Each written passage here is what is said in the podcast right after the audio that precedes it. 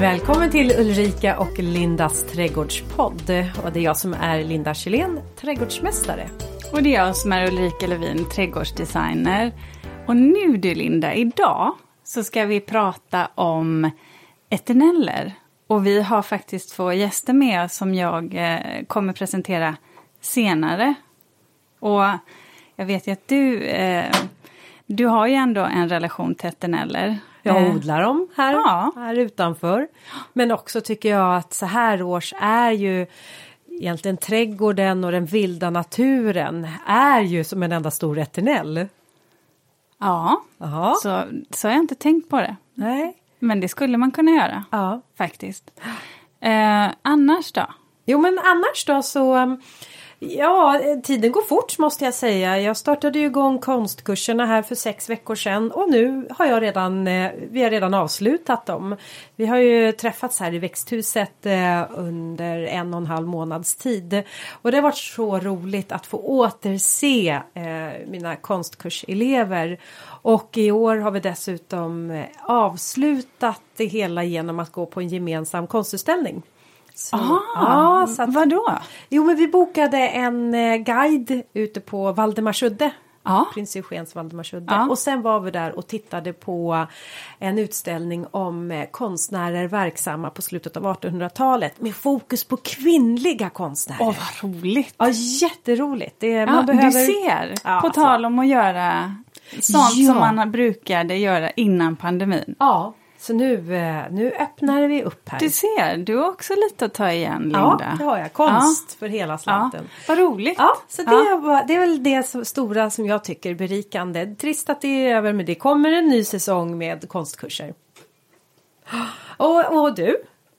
Eh, jag har faktiskt varit ute och tittat på eh, flera nya jobb som jag kommer jobba med under eh, vintern och våren här. Eh, roligt, väldigt olika uppdrag. Stora eh, och lite mindre och i olika stilar. Så att, ja, kul. Någonting att se fram emot. och sen, vet du vad jag gjorde? Jag har jagat rådjur. Ja. Schasat iväg dem? Ja, men... Ja, fast jag kan inte säga riktigt att jag chasade iväg dem. För det var så här att jag är så, jag är så jädra trött på rådjuren som är på vår tomt. Oj, du, Ja. du, du blir arg när du ser ett rådjur. Ja, oj, oj, Ja, men oj. Du knyter faktiskt. nästan näven nu Ulrika. Ja, jo, men jag, alltså jag har tröttnat på dem för de är helt hopplösa. Och jag fattar ju att man kan skydda dem, eller inte skydda dem, det vill jag faktiskt inte göra. Man kan skydda sina växter från dem och välja andra växter. Men just när man har odling så är det ju ändå så att man vill ha sina grejer i fred. Och jag kan också tycka att det är jädrigt mäckigt att ha massa med saker som ska lyftas på och lyftas av bara för att de har bestämt sig för att de ska bo i vår trädgård. Så då, då satt vi inne och spelade kort hela familjen och så säger barnen så här att men gud, vad är, det? är det två rådjur uppe i trädgården nu? Och det var det. Min man går dit och öppnar fönstret och börjar klappa och så här liksom försöka, försöka chasa bort dem. Mm. Det är bara det att de rör sig inte och då blir jag så, jag blir så Provocerad. himla förbannad. blir Så jag, du vet, har satts bakom, springer, hoppar ut genom fönstret. Det är sånt här två tredjedels fönster. Hoppar ut på altanen, ser mitt ogräs igen, tar det som det värsta, värsta tomahawk och bara sular iväg. Men Ulrika, det var en överreaktion tycker jag. jag kan förstå den. Och du, Du- vet. du och- hoppar ut och genom fönstret och samtidigt. Jag ser min man som står där som en fågelholk och bara vad händer? Rådjuren blir totalt livrädda. Alla Och blev rädda för dig. mina barn bara skriker Mamma, vad gör du? Så här, du vet. De blev ju helt så här bara "Åh, Du kan ju inte kasta saker på dem. Men de pep iväg kan jag säga. Ja. Sen kom jag tillbaka i, i, i blöta strumpor. Ja, och jag tror rådjuren sa We will be back. Det sa de, de Ja, var tillbaka någon dag senare. Ja. Men jag vet inte. Nej, Ja. jag, vet, jag, vet, jag har ju haft gangsters hela sommaren i min trädgård, mina Ja. tre hönor. Så att jag har liksom ingenting att skydda. Du, alla, de är välkomna hem till mig. Ja, jag kan köra dit dem. Ja, ja, in med dem bara. Det är inga problem. Nej, nej, men då säger vi så. Å andra sidan har jag Ester som håller undan dem. Så. att- Ja. Jaha, så du menar att jag måste skaffa hund? Ja, det är precis den slutsatsen Ja. vi ska komma till. Det har varit hundvärk faktiskt. Ja, Hundvakt. det Ja. också. Mm. Det, Ja. det var väldigt mysigt. Men du, herregud. jag, Ja. jag känner så här. Ja. Vi har ju ett fullspäckat avsnitt. Så jag, vi, eh, vi måste presentera våra gä- gäster. Jätter. Det är mycket djur nu. Tack, tack. Det var inte det jag ville säga. Men det har varit lite knas eh, i språket här. Jag, jag påstår att Ulrika börjar tänka mer och mer med högerhjärnan eh, när vi umgås eh, och lämnar vänsterhjärnan halvan. Som har språket då. Mm. Ja, så att Nu blev det höger. Jag Ja. börjar vifta med höger. höger. Ja. Men då har vi två Ja. gäster. Ja. Som eh, är, är Helena eh, Maslov och Sara Levell som kommer från Kärodlat i Roslagen. Mm. Välkomna Tack. till programmet. Och vi kanske ska berätta här vad ni gör. För det är ju så här att ni har ju faktiskt en kommersiell snittblomsodling i, i Norrtälje, eh, strax utanför Norrtälje, eh, mot Kapellskär där. Eh, där ni odlar eh, snittblommor. Eh, Utan konstgödsel, med naturgödsel och klimatsmart, det vill säga att ni odlar i säsong. Precis. Mm. Eh. Ja, och eh, ni har eh, då en, eh, vad ska man säga, en odlingsplats som ligger i zon 2-3. Ja, Och vi, ni är ju här just av den specifika anledningen att vi ska prata eterneller och eh, ge er lyssnare tips på hur man ska odla dem, vilka sorter som är odlingsvärda, hur man ska sköta om, liksom skörda dem framförallt och förvara dem. Men du Linda, jag vet ju att du håller på med eterneller. Vad har du för relation? Eh, jag har en jättestark och nära och stor relation till eterneller. Jag, jag tror att eh, alla mina sådär, dels julkranskurser som jag har eh, där jag använder mig flitigt av just eterneller i mina kransar. Jag tycker att det är de mest vackraste kransarna när de är gjorda av blommor men också att de inte då tappar färgen. Så att därför så eh, är det, jag hade inte varit någonting utan eterneller i mina, alla mina kransar. Och sen kan jag tycka att det är det är något vackert i de här blommorna som eh, har gjort sitt levande under säsongen och nu står där. Eh, men fortfarande lika sköna fast lite mera, ja lite mera av tidens tand torkade. Mm. Jag har ju ingen relation till eterneller annat än långt tillbaka i tiden som jag kommer ihåg i slutet på ja, vad blir det, 80-talet där, där det var mycket, början på 90, där det var en hel del torkat eterneller som jag kunde uppfatta som lite, ja men lite gammaldags, lite tråkigt faktiskt. Men jag har ju kommit på andra tankar, dels för att jag har sett bilder på hur man jobbar med eterneller nu. Dels för att jag ser det som att det är en ja, men ersättning till, till snittblommor. Det vill säga att man någonstans kan vara lite mer klimatsmart. Eh, och sen också så i och med att jag har hjälpt min dotter att inreda hennes läge, lägenhet som, som älskar eterneller och hon är 20. Så tänkte jag att ah, det här vore ju ett bra Vinden har vänt. Ja, ett äm- bra ämne som jag tror många är intresserade av. Ja, verkligen. Men om jag börjar med dig, Sara. Vad har du för relation till eterneller?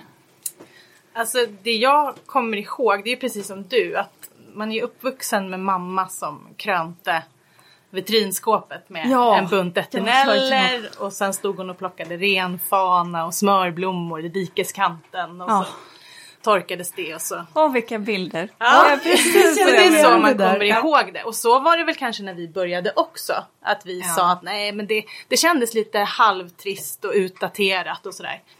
Men sen precis som du, det finns ju så mycket mer än de klassiska eternellerna. Eh, när man tänker på eternell så tänker man ju oftast på jätteeternell, de här färgglada pappersliknande blommorna. Men vi väljer ju att lyfta in så mycket mer i begreppet. Eh, Vi jobbar mycket med eh, gräs som också torkar väldigt fint och då får man ju oftast en mer modern känsla på det. Ehm, men det, jag, jag är nog lite med dig där, att från början tyckte jag att det var lite utdaterat och trist. Du då? Ja men det Helena? är nog samma. Man minns ju de där som låg på vitrinskåpet och eh, jag hade, vet att jag själv också hade mycket alltså, så här, hängandes på väggen och man hade torkade rosor och så här. Det var ju så, det var så ens, ens flickrum såg ut. Eh, men eh, jag tror för mig också så här att det kommer tillbaka och just i det här med hållbarheten, alltså med miljötänket att jag har faktiskt inte köpt snittblommor på över ett år. Eh, nu har jag ju en egen odling hela somrarna. Men även på vintern. Att det finns så mycket annat man kan plocka in som, som blir vackert. Samma och, här. Mm. eh, och, så. och sen tänker jag, jag tror att jag blev nog kär i just jätteärtenellen. Den är ju helt fantastisk att ha levande i buketter. Också. Den gör Ja, ju, man kan ha den ja, först i levande färsk, liksom. Ja. I levande form? Ja, Ja. och sen så när man känner att okej nu är det, har den gjort sitt, då kan man torka Ja, den. den Ja. ger liksom en textur eh, som man kanske inte hittar bland, bland andra levande blommor. Mm. För om man pratar om jätteeternellen som, som eternell. Det är väl en, eller nu kan, åh förlåt nu är jag fördomsfull kanske. Men är inte det här en av de få blommorna som har lite färg? För jag har nämligen den föreställningen att de flesta eterneller är ja, men gula eller gulbruna. Eller? Nej, nej nu blir det all... Nej. Nej, men det är ju- magiska, liksom aprikosa, rosa, Ja. ljusrosa, vita. Alltså rispen är ju en sån som också är en klassisk eternell Ja. men också har väldigt mycket färg och behåller färg. Ja. Eh, Sen finns det ju blåklint. Eh, och blåklinten finns ju i massa olika andra färger också. Men det heter fortfarande blåklint. ja. Eh, så du kan absolut få in färg på Ja. annat sätt också. Men även i en jätteeternell. Den finns ju i massa färger. Ja, ja, absolut. Ja. Vad, vad är det för färgskala vi jobbar i här då? Eh, för om man tänker, finns det någon färg man inte kan få tag i eller som är svår att få? Grönt till exempel, hur Nej, enkelt är det? Grönt finns. Aha. Ja, jo men det går. Jag kommer inte på vad den heter. Det heter en gultörel. Som, också går att torka. Som behåller sin Aha. färg väldigt bra. Gör den det? Ehm, nej men grönt, eh, jungfrun i det gröna kan man torka. Den blir ju grön. Det är ju, vallmokapseln är ju ganska grön ändå. Sen- ja, sage. Ja precis. Eh, Det är väl en av de få blomstersorterna, eller om man tänker på blåklint, där det finns blått. För det är ju inte så jättevanligt. Nej. Det är ju nästan inget annat som finns blått. Jag tänker på hortensia. Ja, precis, Och exakt. Hortensian där har man Ja. det, kan det dra åt det blåa Ja, hållet. precis. Men det är väl ehm, mm. Annars så är det ju då om man ska definiera eternell så är ju det en, en växt som man just kan torka och som behåller sin färg. Och form. Och, form. Och, precis. Mm. Och det är väl den va- det är liksom definitionen. Och där har väl vi valt att gå bredare då eftersom vi torkar mycket annat också. Vi torkar ju det även fast det inte behåller sin form. Eh, till exempel eh, rudbeckiaknoppar. Då kan du ta bort kronbladen och då har de liksom som gröna blad i bakkant och så kan du torka den så blir den som en blomma fast den är ju inte i sin ursprungsform och färg. Ah. Och då tänker jag solros. Solros, precis. Den eh, tycker jag är Jättefin. Vi pratade ju jätteläcker. precis om dahlia. Den går att torka. Dahlian. Framförallt bolldahliorna som är liksom oftast lite mindre, mycket mer kompakta, inte stora kronblad utan ja, är de, ska säga, beskriver dem som små runda Ja, man tänker lite Håliga, på med små hål. Ja, precis. Tom, liksom. ja. Ja, vad spännande. Ja. Och, och det här är, kära lyssnare, vi kommer ju komma in på det här, hur man gör. Så att nu pratar vi kanske lite mer allmänt. allmänt och växter som är fina att använda till et- eterneller och lite färg och form och kanske olika, ja, ja men hållbarhet och, och växter som ni tycker är bra. Jag kan också tycka att det kan vara ganska läckert att blanda eterneller med levande Ja. färska blommor. Jättefint. Eh, Jag såg en bild skymta förbi här eh, förra året efter jul och då var det amaryllis, så här, knallrosa amaryllis som eh, blommade han, de eh, hann inte komma upp i blom innan jul så att de blommade in i januari.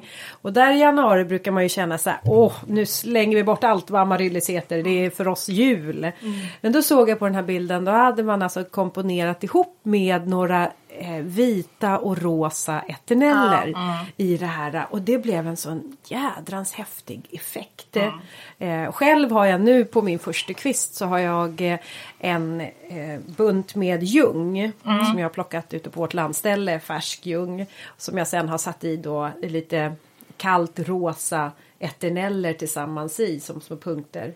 Jag kan tycka att det är ganska läckert också och det ena behöver inte förta det andra utan att man kan då blanda. Verkligen. Och det blir ju så himla fint. Alltså, vi gjorde ju blomsterbuntar till helgen som var och då hade vi lite färska blommor kvar. De som frosten inte hade tagit. Och så blandade vi det med liksom helt superdöda ormbunkar. Gräs som också var helt vitt för att det hade liksom gått klart. Det blev jätte, jättefint. Och så de här färska då, rubecker och Ja. Jättesnyggt. Så, ja, så, och, så, så tycker jag att man, eh, ni som lyssnar också kan tänka att det mm, inte bara föreställer en helt torkad bukett men eh, där man då kombinerar. Ja, nu nu blir jag så här som... Känner du utanför nu? Nej, Jag vill inte! nej, nej, tvärtom så blir det det här i mitt huvud att jag känner att åh, det här kommer bli en ny värld som öppnas för mig. Jag har varit trångsynt. Det, jag tycker det, då blir det ju lite spännande eh, faktiskt. Eh, sent om sidor ska alla vakna. Ja, precis. Ja. Men kan vi, skulle vi kunna gå in på det här kanske lite med färg och form? För vi har ju en färgskala, alltså, vi har ju flera olika färger. Så kan vi inte gå in lite på och ta en färg åt gången? Om man börjar med, ska vi börja med gult Linda? Eller vad säger du? Ja, Ja. Om man får ta de här liksom bästa gula färgerna och jag kan tänka mig, ja, jag ska inte tänka någonting. nej. Tänk Jag är renfana, var det det du tänkte säga? Renfanan är jättefin. Ja. Både som färsk och torkad. Ja. I buketter. Det blir som små gula punkter. Varmgul eller vad blir det för? Den, alltså när den är torkad Ja. då är den lite mer senapsgul. Men när den är färsk så är den klargul. Det blir som små gula utropstecken. Jättefint att använda för att bryta av. Liksom. Så den använder vi mycket. Ja. Och sen är väl ja, men jätteärtenellen, den finns ju i mycket gula Nyanser. nyanser. Från liksom brandgult till klargult, ljusgult. Så, så där, det är väl där man hittar mest gult. Rispen har väl lite Gul- ja, där gula. finns också gul. Ja. Precis. Och här har man ju två, det här, nu har ni ju nämnt blommor som har lite olika form Ja. också va? Precis. Ska vi beskriva jätteärtenellen hur den ser ut? Den är mer som en... Den är ju som en dubbel blomma. Alltså med dubbla kronblad eller flera kronblad. Eh, och eh, den är papperslik, alltså den prasslar. Eh, de blir väl 5-6 centimeter, jätteätten i diameter. Eh, växer på en stadig grön Ja, skälk. mycket blad. Liksom. Det är väldigt mycket grönt. Och, sen, och så kommer det några blommor i toppen. i liksom. toppen liksom, Ja. på varje skälk. Och där skördar vi ju när de två första kronbladen har slagit ut. För den slår ut efter att man har skördat. Så fortsätter den att slå ut. Jaha, okej, okej. Den ska man ta rätt tidigt. För Ja, att få den i rätt stadie. För att annars så har den, går den över. Och då går den över i frö. eh, Ja, precis. bara- Den, den blottar sin, liksom, sin mitt. Där blev jag så förvånad för jag gjorde en krans här ute, takkrans här ute. Och det var just en dag när det ah, solen sken inte, det hade Nej. regnat och de hade inte slagit ut utan de var liksom så här lite knoppiga. Men jag av tidsbrist kände jag har ingen val, jag är tvungen. Så jag plockade de här, gjorde ordning kransen och så tänkte jag det, mm, vi får väl se. Och sen när jag kommer nästa dag när solen skiner, då har de slagit ut. Ja. Och de var som finast då för då hade de ju då inte blivit eh, eh, nuddade utav varken regn eller Nej. att solen. Så att det var, ja. ja, ja. Sen, tips där är ju att blada av när man skördar. Ja. Om man ska torka. Ta bort, Att ta bort blad. Ja. För det blir bara smulor oftast så. precis. För det var min nästa fråga där om det ska sitta kvar. Men det tar man alltså bort. Ja, På den, absolut. Ja, på den gör man det. Ja. Sen har ju vi, vi, beroende på vad vi ska ha den till när vi har skördat den, eh, så kan man antingen hänga den, då får man ju liksom långa skälkar, så raka skälkar. Men ska vi ha den i krans, då torkar vi dem liggandes. För då vänds blommorna uppåt. Ja, ja, självklart. Så att Då vi vill ju ha blommorna utåt. Jo men när vi ska torka dem eh, för att ha i krans, då vill vi att blommorna går uppåt. Så då lägger vi dem ner. Och då per automatik så sjunker de liksom ner. Och så, då hamnar blomman uppåt. Så när vi sätter dem i kransen så är blomman utåt. Istället Annars för att den sitter... en risk att blomman går sönder också. Mm. Ja, när man försöker böja till den. kransen Det går så inte. den, ja, Nej. så går skälken av. Ja. Så, det- den brukar vi... Vi gör ju mest kransar. Ja. Eh, det är liksom... I år i varje fall. Ja Det i det år, vi- precis. Det är Mm. det vi gör. Om man ska gå på nästa, om vi säger vi tar eh, orangea toner då. Vad är det då? Eller röda, de här lite varma. Om vi håller oss kvar i dem. Eh, men varmar, alltså det är, det ju fortfarande också jätteeternell. Alltså den Ja, kommer ju verkligen den kommer i alla tillbaka i färger. alla färger. Men du har ju Inte också blå.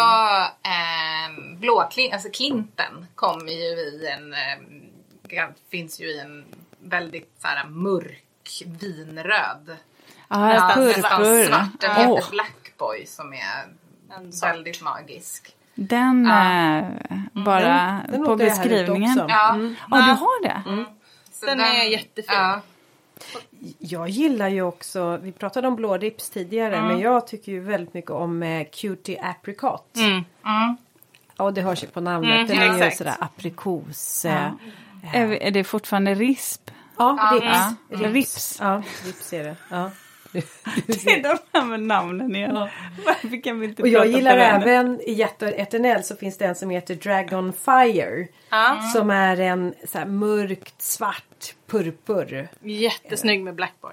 Jättesnygg. Jätte, jättesnyggt i kombination. Och så lite apricot till. Ja, så tar vi Mm, det. snyggt. Ja, raffinerat blir det. Ja, det där lät ju ganska trevligt Och faktiskt. så kanske ett rosa pampasgräs.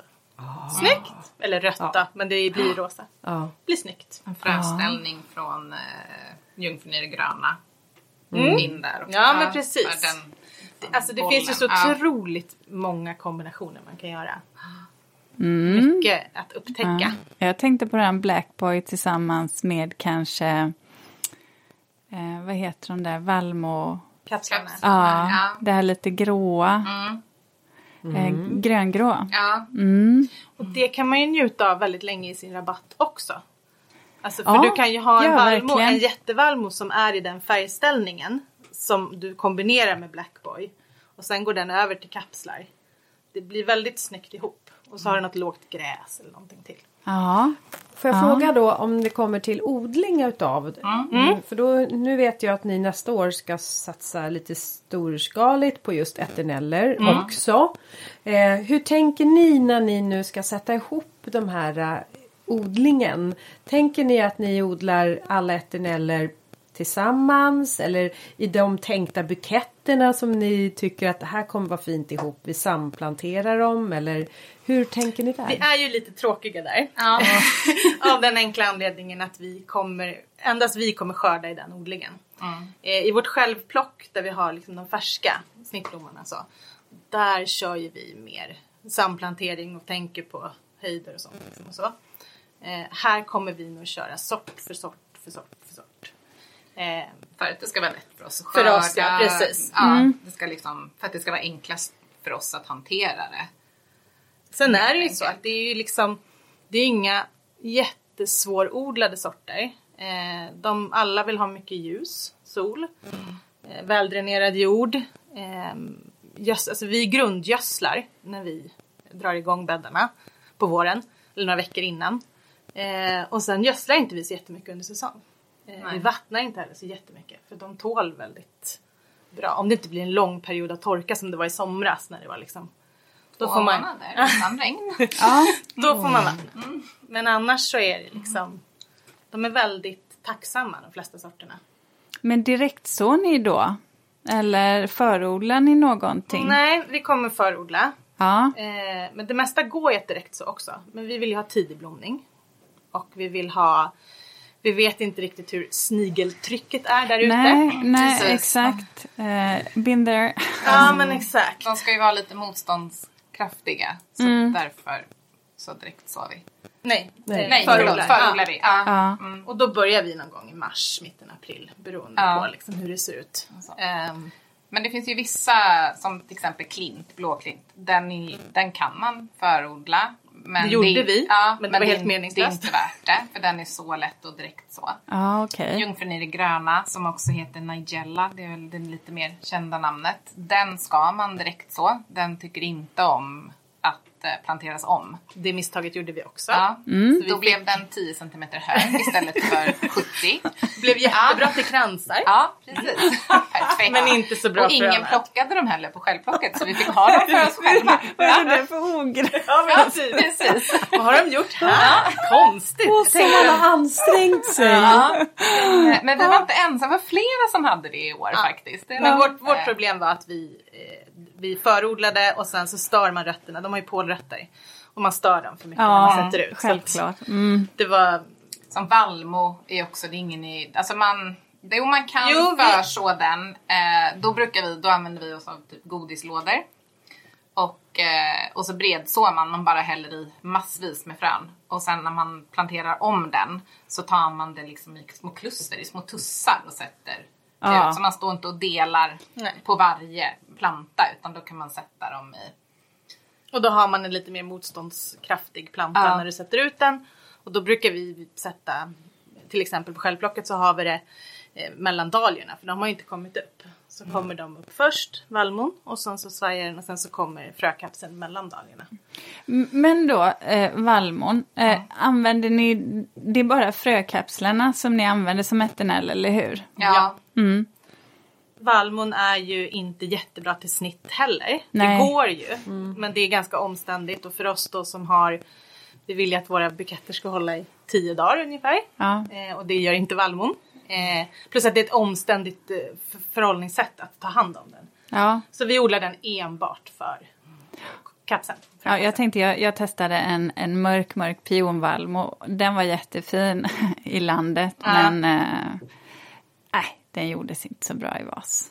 Det finns lite tips och tricks. Man Ja. kan eh, direkt när man har skördat den så doppar man stjälken i kokande vatten. I Eller tid. eldar. Eller eldar. Längst ner. Och så sätter man den i kallt vatten sen. För att den, eh, den bildar, det kommer ett klet ur den när, när den är nyskördad. Som täpper igen eh, stjälken. Som, som, och det gör att den inte kan dra upp vatten. Så Ah, att det här, Då kan du få det kan få lite, ja, ett, liksom kanske fyra, Fyra, fem fem dagar om du har tur. ja, det, det Men- var ju bättre än det jag lyckades. Ja, vallmo ska njutas av i trädgården. Ja, ja, ja. Eller som eh, i i en eternellbukett som... Eh, Ja, Som en precis. frökapsel. ja. Precis. Ja. Det, Men där, jag tänker på, hur, hur gör du då Linda nu med dina odlingar? Nu är det ju sommarblomsodling, men torkar du många av dina? Ja, det växer. gör jag. Ja. Eh, och nu har ju inte jag varit här på någon vecka så jag har faktiskt inte ens hunnit ut och sett hur det ser ut där ute. Eh, men eh, tanken var ju att både blåripsen och såklart eternellerna, jag ska testa även medaljor, solrosorna också och um, åh, vad har jag mer där ute? Ja men massa olika prydnadsgräs och ja, alltså vad har jag? Du hade massa- du, massa du måste roligt. testa Hade det? eh, och torka ringblomman tänker jag. Ja. Sand. Ja, vore det tror jag kan funka. Ja, den är ju så vacker. Tänk om man kunde få den att liksom hålla form framförallt. Ja. Hörde du, hörde du nu vad vi sa här? Torka ringblomman i sand. Och hörde ni det, lyssnare? Alltså förlåt, jaha, jag trodde du, jaha, jag trodde du menade att det var en sort. Jag, jag, hörde, jag, glöm, jag hörde inte i där. Nej. Då tar vi om det. Alltså Ja. man ska alltså lägga det i sand. Ja. Men, För eh, att den inte ska liksom skrumpna ihop. Du fyller ut håligheterna med sanden. Så att den liksom torkar i det. alltså man kattsand eller vanlig, vanlig sand? Det finns speciell sand att köpa för det. Men jag vet också de som gör Jaha. det i riktigt torr vanlig Ja. sand. Ja, Det finns massa Som- andra olja, ja. eller vet du, Man lägger geléer och sånt man kan Ja. använda också. Ja. Vi använder ju inte det. Men man vill väl vara så nära naturen Ja, som möjligt. precis. så vadå, ni tar en bytta och så fyller ni den med sand och sen så lägger ni ner Och så fyller du på sand uppe på också så att den täpper till håligheterna i allting blomman. där. Lite Ja. så här så att det liksom... För då torkar den i det stadiet den Ah. är. För annars så skrumpnar gärna kronblad och annat ihop sig. Men hur länge, hur länge ska den ligga där idag tills den har torkat? Det, för det är ju en process gissar jag. Ja, jag vet faktiskt inte exakt. Nej, Eftersom vi inte gör det. Nej. Men jag kan tippa, alltså i vanliga fall så tar det väl ungefär fyra veckor att torka någonting. Ehm, så att jag kan tänka mig att det är ungefär samma om du inte har för mycket fukt i sanden. Liksom. Mm. Men det här, ja, det här är något vi ska testa. Ja, precis. Vi är inte där nej, ännu. vi har inte Ja men vad spännande. Men, ja. Ja. men jag minns att jag hade så här när jag var yngre. Alltså, då hade jag någon, den här speciella, jag tror att det var så här vitt. Jag har för mig att det Eh. är kiselsand. Ja men typ kiselsand Ja, något som man hade och så liksom la man ner så la man lite sånt så la man en ros till exempel och så hällde man det här på så att det liksom åkte ner i hela rosen och så torkade den helt magiskt. Smart. Ja. Det där måste vi ju prova. Ja, men det måste Ja. vi alla göra Ja, vi får alla gå ut och plocka ringblommor och sen så. Ja. Ja. Testa. Ja. Ja, det är Ulrika, hon är, du, jag, tror, Ulrika, jag tror du bara hänger på i grupptrycket här. Ja, ja, ja. ja, Nej men ja, jag tänker så här att jag säger ja och sen så, så gör du. Ja! Ulrika kommer rita helt nya trädgårdar under vintern. Eller. You Nej, det här är det nya nu. Men då kan jag vi komma in på det. Därför att du Ulrika, du jobbar ju främst med perenner. Ja, eh, och eh, perenner i och för sig som eh, många av mina kunder vill använda till snitt. För det är ju faktiskt ganska många som vill använda det de odlar i sin trädgård till att ta in och förgylla eh, sin inredning på insidan. Däremot så har jag faktiskt aldrig tänkt på att eh, man kan använda perenner kanske som eterneller. Nej, men det kan man ju. Och Ja. den som i första som dyker upp i mitt precis. huvud. Det är bolltistel. Hortensia. Stjärnflocka. Ja, stjärnflockar. Mar, Ja. Martorn. Martorn. Martorn också. Men också de perenna vallmon. Ja precis, det finns, finns ju ju- flerårig vallmo. Ja. Men vänta här nu. Gick det fort fram nu? Ja. Jo, men nu tar vi en sak. Kan vi ta en växt i taget? Ja. Bolltistel, eh, när skördar jag den då? Och, alltså skördar jag den när den har blommat över? Eller är det i början precis innan den håller på att slå ut? Alltså vad, i vilket Alltså, stadie? det finns ju en risk.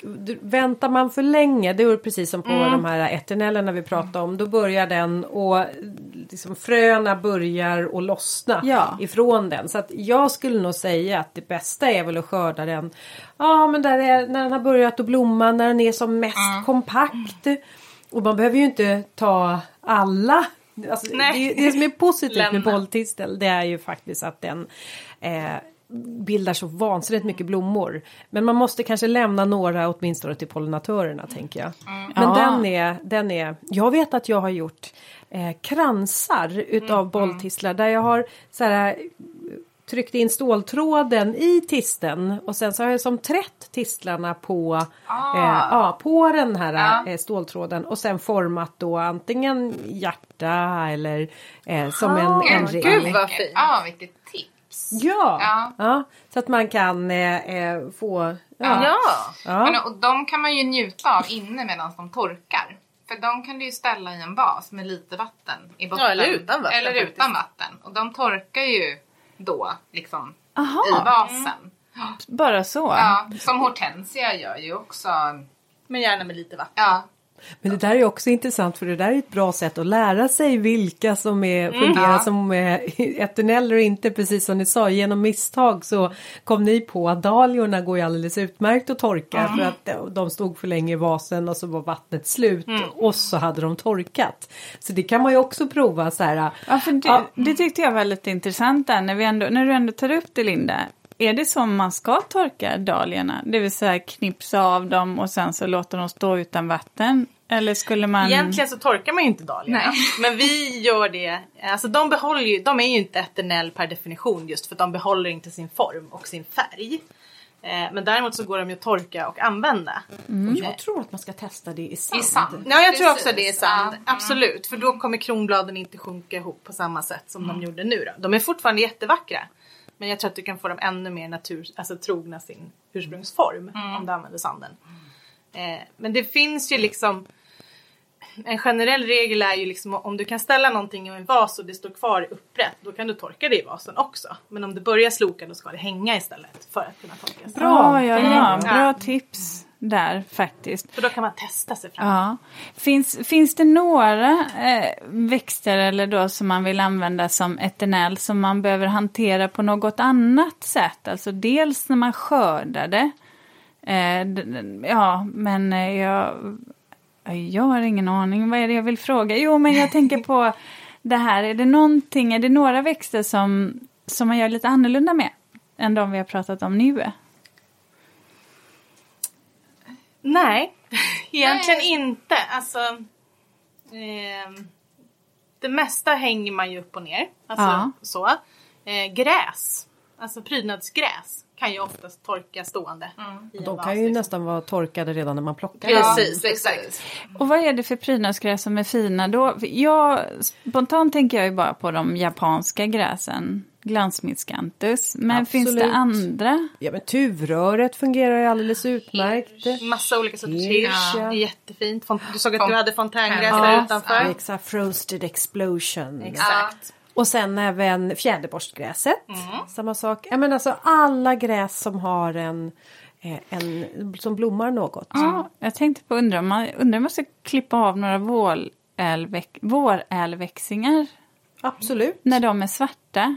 Ja. De borde ju, Man får ju testa. funka. Ja, man får ju testa att dra i dem, alltså torka dem. För vi märkte till exempel att ekorrkorn, Mm. den släpper ju sina. Gjorde hos oss när den har torkat. Den var svår att torka för att den släpper på sina spröt. Liksom, Mm. man, så man får torka någon och så får man dra och känna. Ja, Eh, så, att man liksom, så att den håller. Sen finns det ju de som kör med hårspray på. Det gör inte nej, vi. Nej. då får vi ju... Och vad är det? Klimatpåverkan på Ja, annat sätt. ja, Precis. Ja. Nej, så det gör inte vi. Men det finns ju liksom, man får testa sig fram. Och så gör ju vi med allt. Ja. Vi testar oss fram. Vi provar. Ibland går det jättebra, ibland går det inte alls. Sara har hela garderoben på sitt landställe fullt med torkade blommor. Det finns inga kläder där. Hon skickade en bild i somras och bara kolla! Ser du så här, alla helt ny garderobsvägg. Så öppnar man så bara hänger det så här torkade blommor från galgar ner liksom. Ja. Ja. Och då var ju det plockat från naturen. Mm. För det finns ju jättemycket, gråbo är fantastiskt att torka. Ja. Speciellt om man tar den i den silvriga fasen. Supersnyggt. Behåller både färg och form. Jättefint. Olika vass. eh, Ja. vi pratade om ormbunkar. Alltså det är ju våran grej i, när vi gör höstkransar nu. Alltså ormbunkar är ju verkligen så basen i. Och då kan man ju också blanda in eh, sånt som lever fortfarande. Med typ lingonris och så. Då. Där ska man ju komma ihåg att man får ju inte plocka sånt om det inte är på egen mark. Så det behöver man ju tänka på Precis. när man plockar. Men vi, vi har turen att ha tillgång till mark. Så då, plockar vi där. ja. Men vad gör ni med ormbunkarna? Alltså är de, tar ni dem nu när de har gått över i höstfärg? Mm, ja. Det är då ni tar dem och torkar dem. Mm. Ja, Nej, de, är ju nästan torra torkade. så vi Ja. plockar dem och så binder vi kransar. Men de kan väl inte hålla hur länge som helst? Jo. De gör Ja, det? För de, to- de fnasar liksom inte. De blir inte För det fnasiga. hade jag nästan trott att de skulle göra. De är lite, nästan Mm. lite seg. Ja, Ja. då ska jag berätta för jag ehm, Vi var ute på vårt landställe och så skulle vi plocka svamp och, eh, och då gick vi ut på ön och då har vi, vad heter de där då, då som är eh, de är inte ormbunkarna men de har som en ensam skälk och sen så kommer det som ormbunksliknande blad. Ja just Som- det, jag kommer inte på. Nej, vilda. Kommer inte heller ihåg vad de heter men ni lyssnare ni känner säkert till det också. Liksom de, nu, de står ju som torkade i naturen. En skälk rakt upp och sen. Och det där, jag gick ju igång på det där och bara åh de där. Så jag plockade ju inte svamp, jag plockade ju de Ja. där. Och jag plockade och plockade och plockade. Och jag drog, jag hade ingen sekatör med mig så jag fick ju liksom dra av dem där från skälken. Och sen när jag hade gjort så säger min dotter hon bara Men mamma! Vad har du gjort? Jag bara vadå, vadå? Jag var alldeles uppe i endologer. Men dina händer! Och så tittar jag på händerna. Det är bara forsar blod om mina händer. Oj, har du liksom skurit... De, Sega. Ja. Och då har de ju skurit in så här. Och det fina, fina, fina små liksom sår. Aj, aj, Så jag aj. hade ju sår på överallt. Alltså jag var ju helt, så det rann liksom blod. Ja. Så det kan man tänka lite på att de, apropå att de är sega. I know. Alltid en sekatör med. Man ska En alltid... i bilen, en Ja. i... Jag har Ja. överallt. Ja. Min mamma bara, men vad ska vi med alla de här till? Det är jättebra att ha. Man vet aldrig. Sekatör och hinka, precis. Aldrig. Mina barn vill inte gå på promenad med mig längre för det tar så lång tid. Ja, känner igen att... Ja. Jag vet att, ja, jag känner igen det där när man har varit ute på någon joggingtur och sen så eh, kommer jag, ja du förstår att det händer inte så ofta. Men Nej, jag tänkte säga just, just det. det var i mitt tidigare liv Mm. när jag inte fick motion i vardagen som jag får idag. Eh, då kunde det bli så, då kom jag kanske hellre hem med ett fång blommor, vilda ängsblommor. Mm.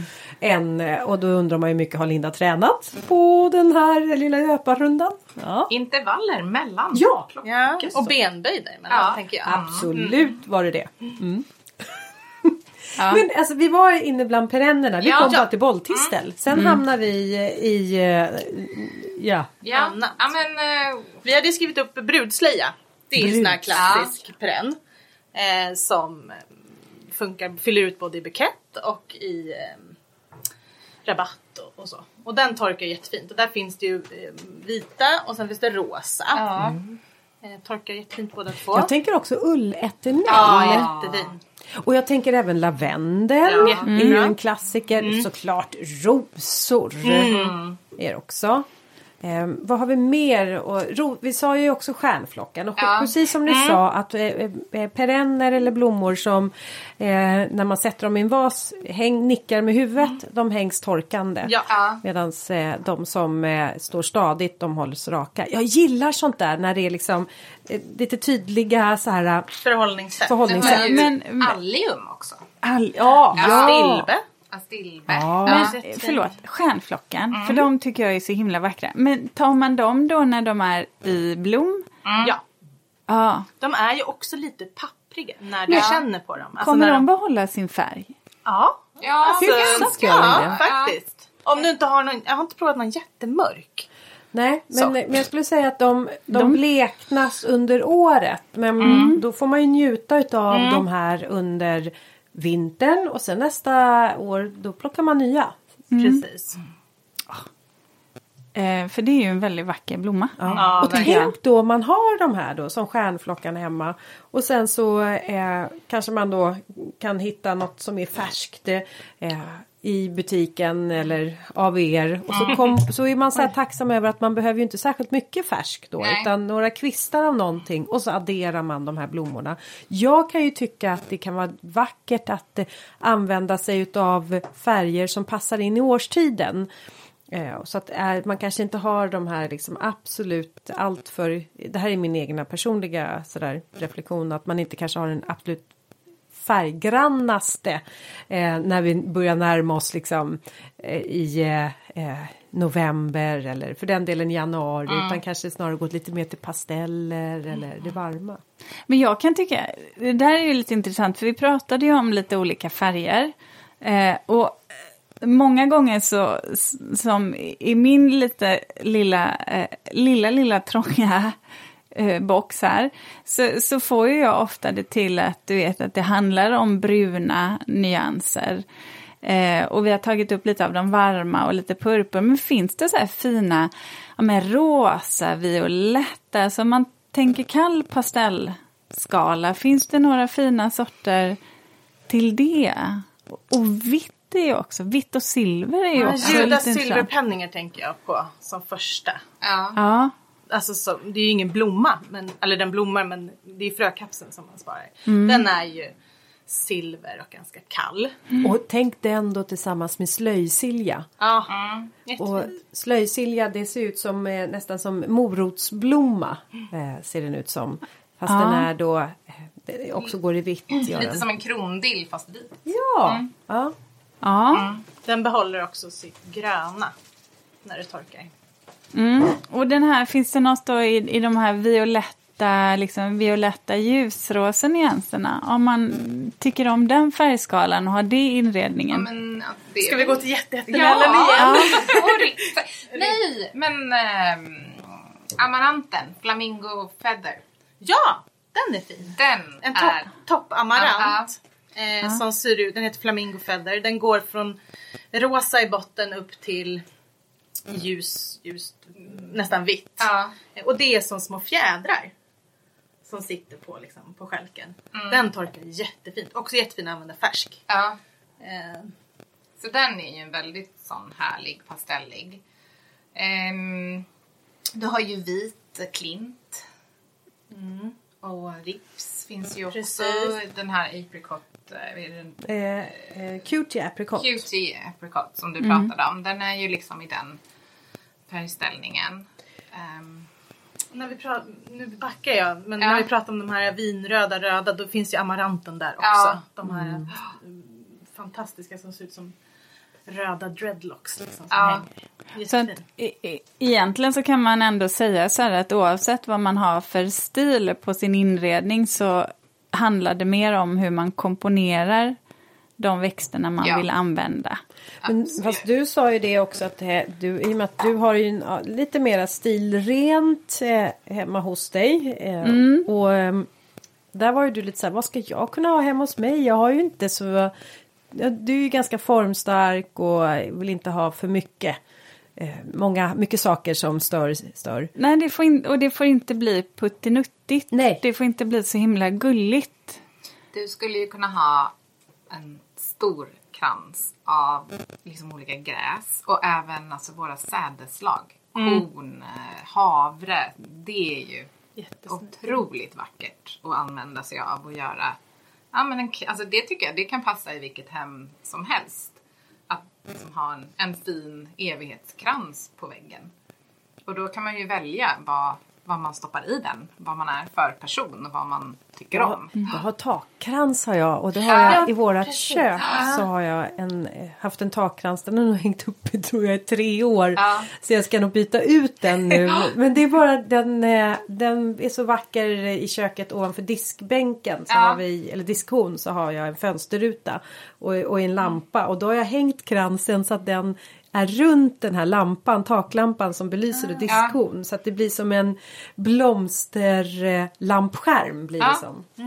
Men jag tänker också så här, just det här att ha prydnadsgräs i en vas bara. Det är Ja. också i ett stilrenare hem. Eller kanske bara i en vas och sen så hortensior som bara får stå liksom tre stycken eh, skälkar av stora hortensior. Vackert. De står hela vintern. Hur, alltså finns det något bäst före-datum på eterneller? Alltså för att det jag tänker på, alltså, i mitt huvud så, så minns jag också de här eternellerna som bara samlade damm och som kändes ganska, ja, de kändes lite ofräscha. Mm. Alltså de, de tappar, har du mycket färg på dina eterneller så tappar de ju lite färg under hela, som vi, precis som vi pratade om stjärnplockan, att den tappar färg under, ju mer sol den utsätts för och så.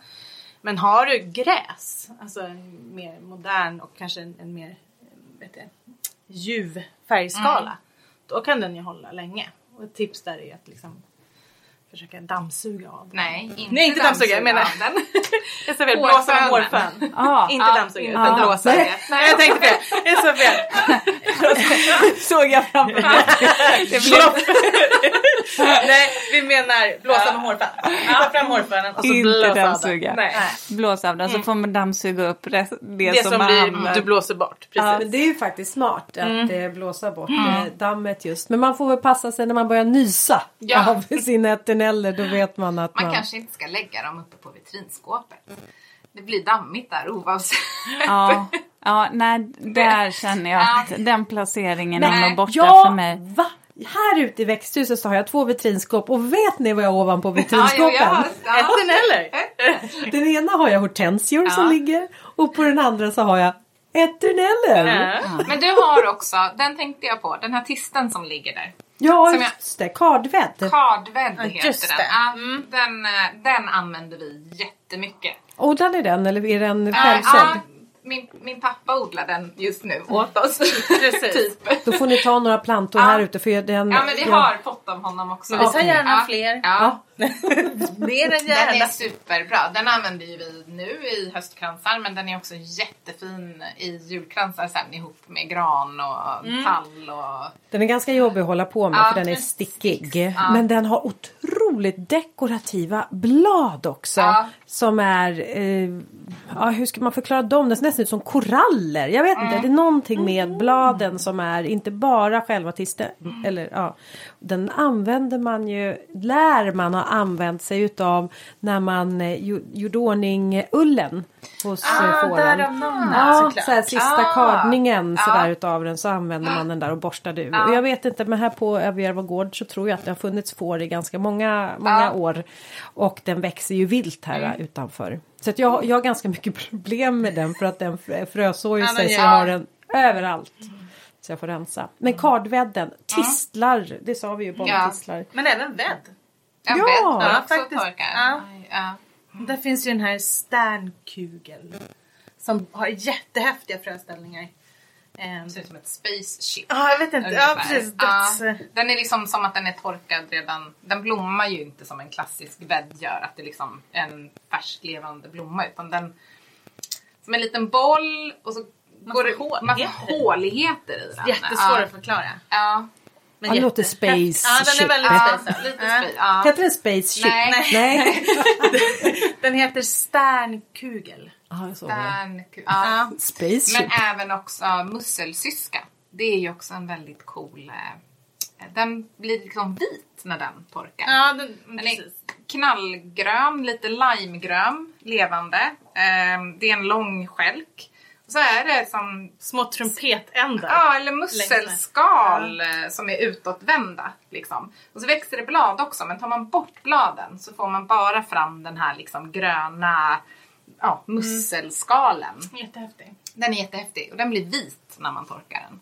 Jaha. Om man torkar på rätt sätt. Ja, vi har inte Nej. kommit dit ännu. Vi jobbar på eh, det. Ja. Hur, hur många olika sorter kommer ni eh, odla nästa år? Ja, det, det ökar ständigt. Ja. Eh, vi vet faktiskt inte riktigt. Med torkat har vi väl liksom inte riktigt... Nej. Vi har inte riktigt, vi, det här blev ju liksom startskottet när vi skulle vara här med, med research. Ja, Eh, men vad kan det bli?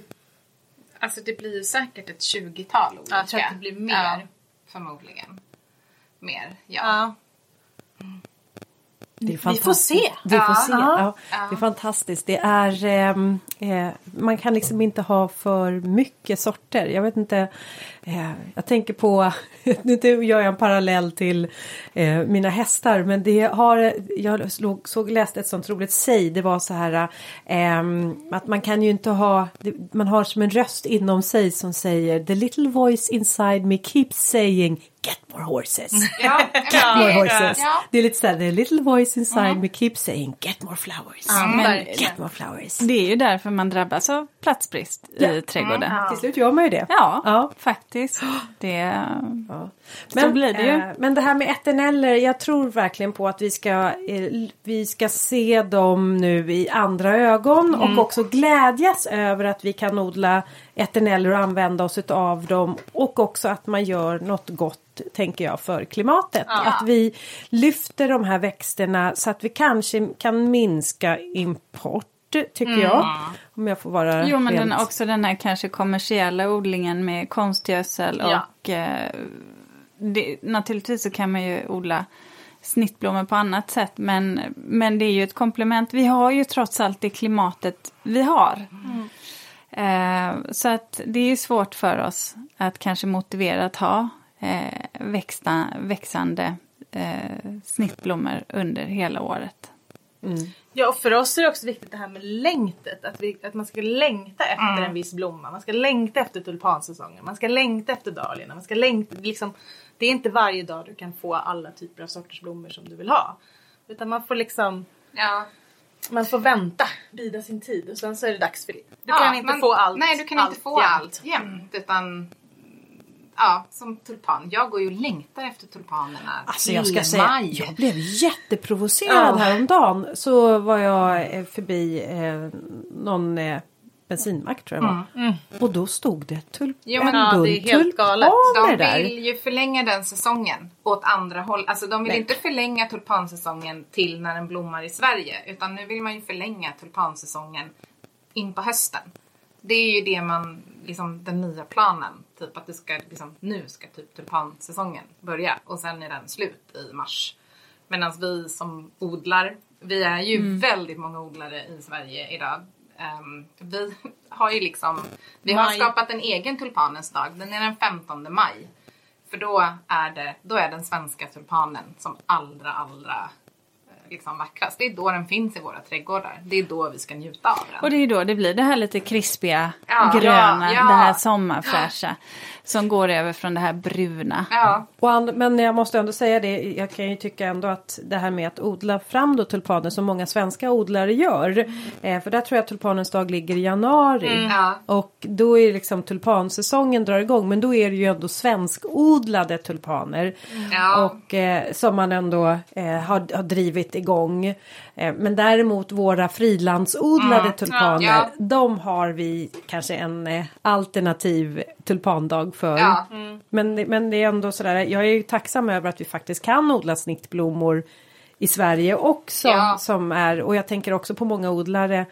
Ja, att det här det är liksom en viktig eh, gröda för dem att kunna fylla upp sina eh, växthus med. För att om de inte har något att fylla sina växthus med då tappar vi ju också ett helt odlingsyrke. Ehm, jag tänker att eh, sen är det ju viktigt att vi då som odlar lite mer årstidsbundet eh, och, även då skördar våra eterneller så att, eh, att det utrymmet finns också. Eh, så. Men om man ja, så lite import som möjligt. Absolut. ja. Håller med. Mm. Har vi uttömt det här ämnet nu? Jag tror att det finns en hel del kvar att säga. Har ni något mer som... Men jag vet att vi skulle eh, prata lite om pollinatör. Alltså om det finns några Ja. eterneller och så som är särskilt bra som pollinatörer. Ja. Och då är väl det liksom, men jungfrun i det gröna. När den blommar när ja. den blommar. Där är vi ju ute sen efter frökapseln. Det är den som är väldigt Så häftig. pollinatören får den först. Ja. Och sen tar vi kapseln. Den är bra. Eh, och klint. Klinten. är ju liksom, annars så är det ju lite svårare där. För det är ju ofta lite torrare blommor. De är mer slängda och, Dubbla och ibland så. och, sådär. ja, Mm. precis. Men, men även vallmon är ju också Den enkla vallmon. Ja, den enkla vallmon. Inte pion Nej, eller kommer- fjädervallmon för där kommer de inte åt. Men Nej. den som är enkel och öppen. Liksom. Och där tar vi det för dem först och så tar vi kapseln. Så att, Och det är samma sak med solrosorna också. Ja, där Men jag måste, också. Ja, de får fåglarna. Och sen måste man däremot vara lite snabb på att ta bort den så de inte står under vintern om man bor som jag i närheten av en, eh, en häst, ett stall här som har besök av eh, råttor. ah, Ah, nej. De älskar ju solrosorna och där, vet ni vad, de är så smarta så vet ni vad de gör? De var, jag satt här om dagen och tittade ut över odlingen och så fick jag bara se hur en solrosstjälpa som Timber, den bara Nej, de rasar. gnager av den. Då gnager de av längst Nej, nere och fäller dem. Ja. Nej, men. Och sen så mm, då springer de dit och äter.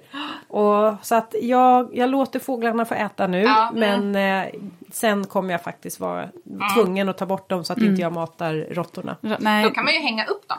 Ja, Kan man ju göra. Man kan ju fortfarande kapa av dem, hänga. Ja. blommorna och hänga i träden. mm, precis. Den är bättre. Ja, Bra, smart. Vi löser allt. Ja, Ja. Ah, alla världsliga är, problem. ja, ja, det här är som Fråga Lund. Ja.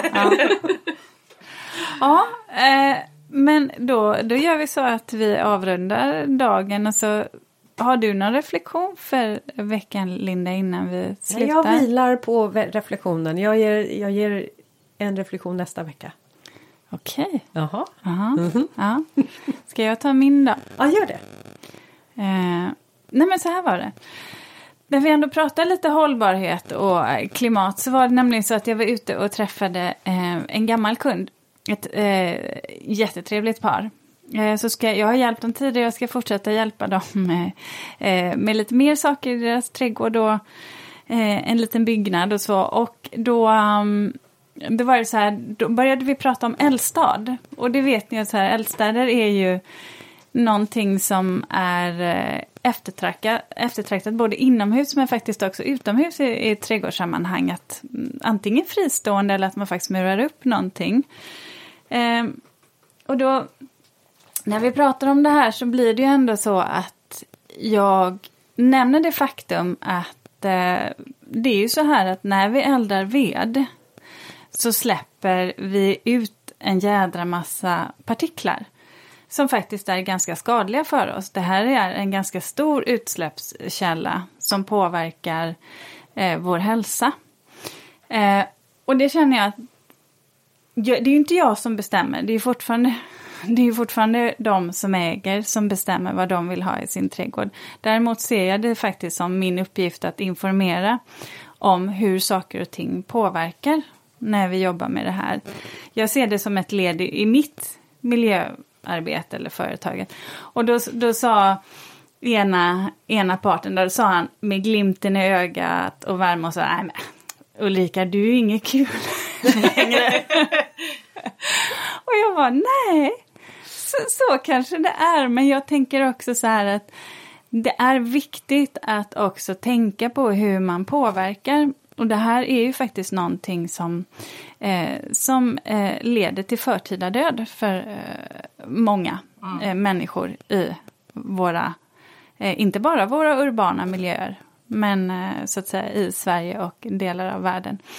Så att om man nu ska elda så finns det faktiskt jättebra information på Naturvårdsverket om hur man eldar på ett bra sätt så att man släpper ut så lite partiklar som möjligt. Eh, och det gör man genom att arbeta med torr ved eller lagom torr ved. Att elda, börja elda ovanifrån så att man får så mycket syretillförsel som möjligt och att förbränningen blir så bra som möjligt. Och kanske undvika undvika papper. Eh, kolla på det, alltså läs igenom det för att det är en jädra skillnad på hur mycket man släpper ut om man eldar rätt. Mm. Jag gillar ändå att du säger mm. så här, vi ska inte elda men jag ger eldningstips. Ja. Men jag förstår ju att det är bara för att eh, vi ska göra det på rätt sätt. Och sen gillar jag också, jag fattar ju varför du har eh, valt din man som du har gjort. Ja. Just därför att han är en mästare på att släcka bränder. Ja, och ska jag vara, ska jag vara helt Ulrika ärlig. är gift med en brandman. Ja, ja, ja. ja. Så här. Vi har ju öppen spis och jag tycker att det är jättemysigt att elda. Men jag tror att förra året så eldade vi två gånger. Jag känner någonstans så här själv att eh, dels har jag ju astma. Eh, och jag märker faktiskt i området att jag påverkas för att det är fler som eldar. Eh, och det påverkar min andning. Men sen så är det också så att jag har skaffat eh, bergvärme, eh, mm bra, alltså bra el och allting. Och sen så kan inte jag, det är ju helt hål i huvudet att hålla på och brassa på med vedeldning då. Det finns ja. fina så här sprakande brasor man kan ha på tvn också. Ja! Det hade vi förra året. Ja, och så kan man ju titta liksom hur ofta ska man, ska man trivselelda? Ja, då, vad tror jag, då tror jag de säger max två gånger i veckan. Max fyra timmar eller någonting sånt. Så det är någonting man kan tänka på ändå, tycker jag. Att eldstäder faktiskt släpper ut en hel del skräp mm. för våra eh, andningsorgan och ja. vårt, vår hjärtakärl. Ja, så.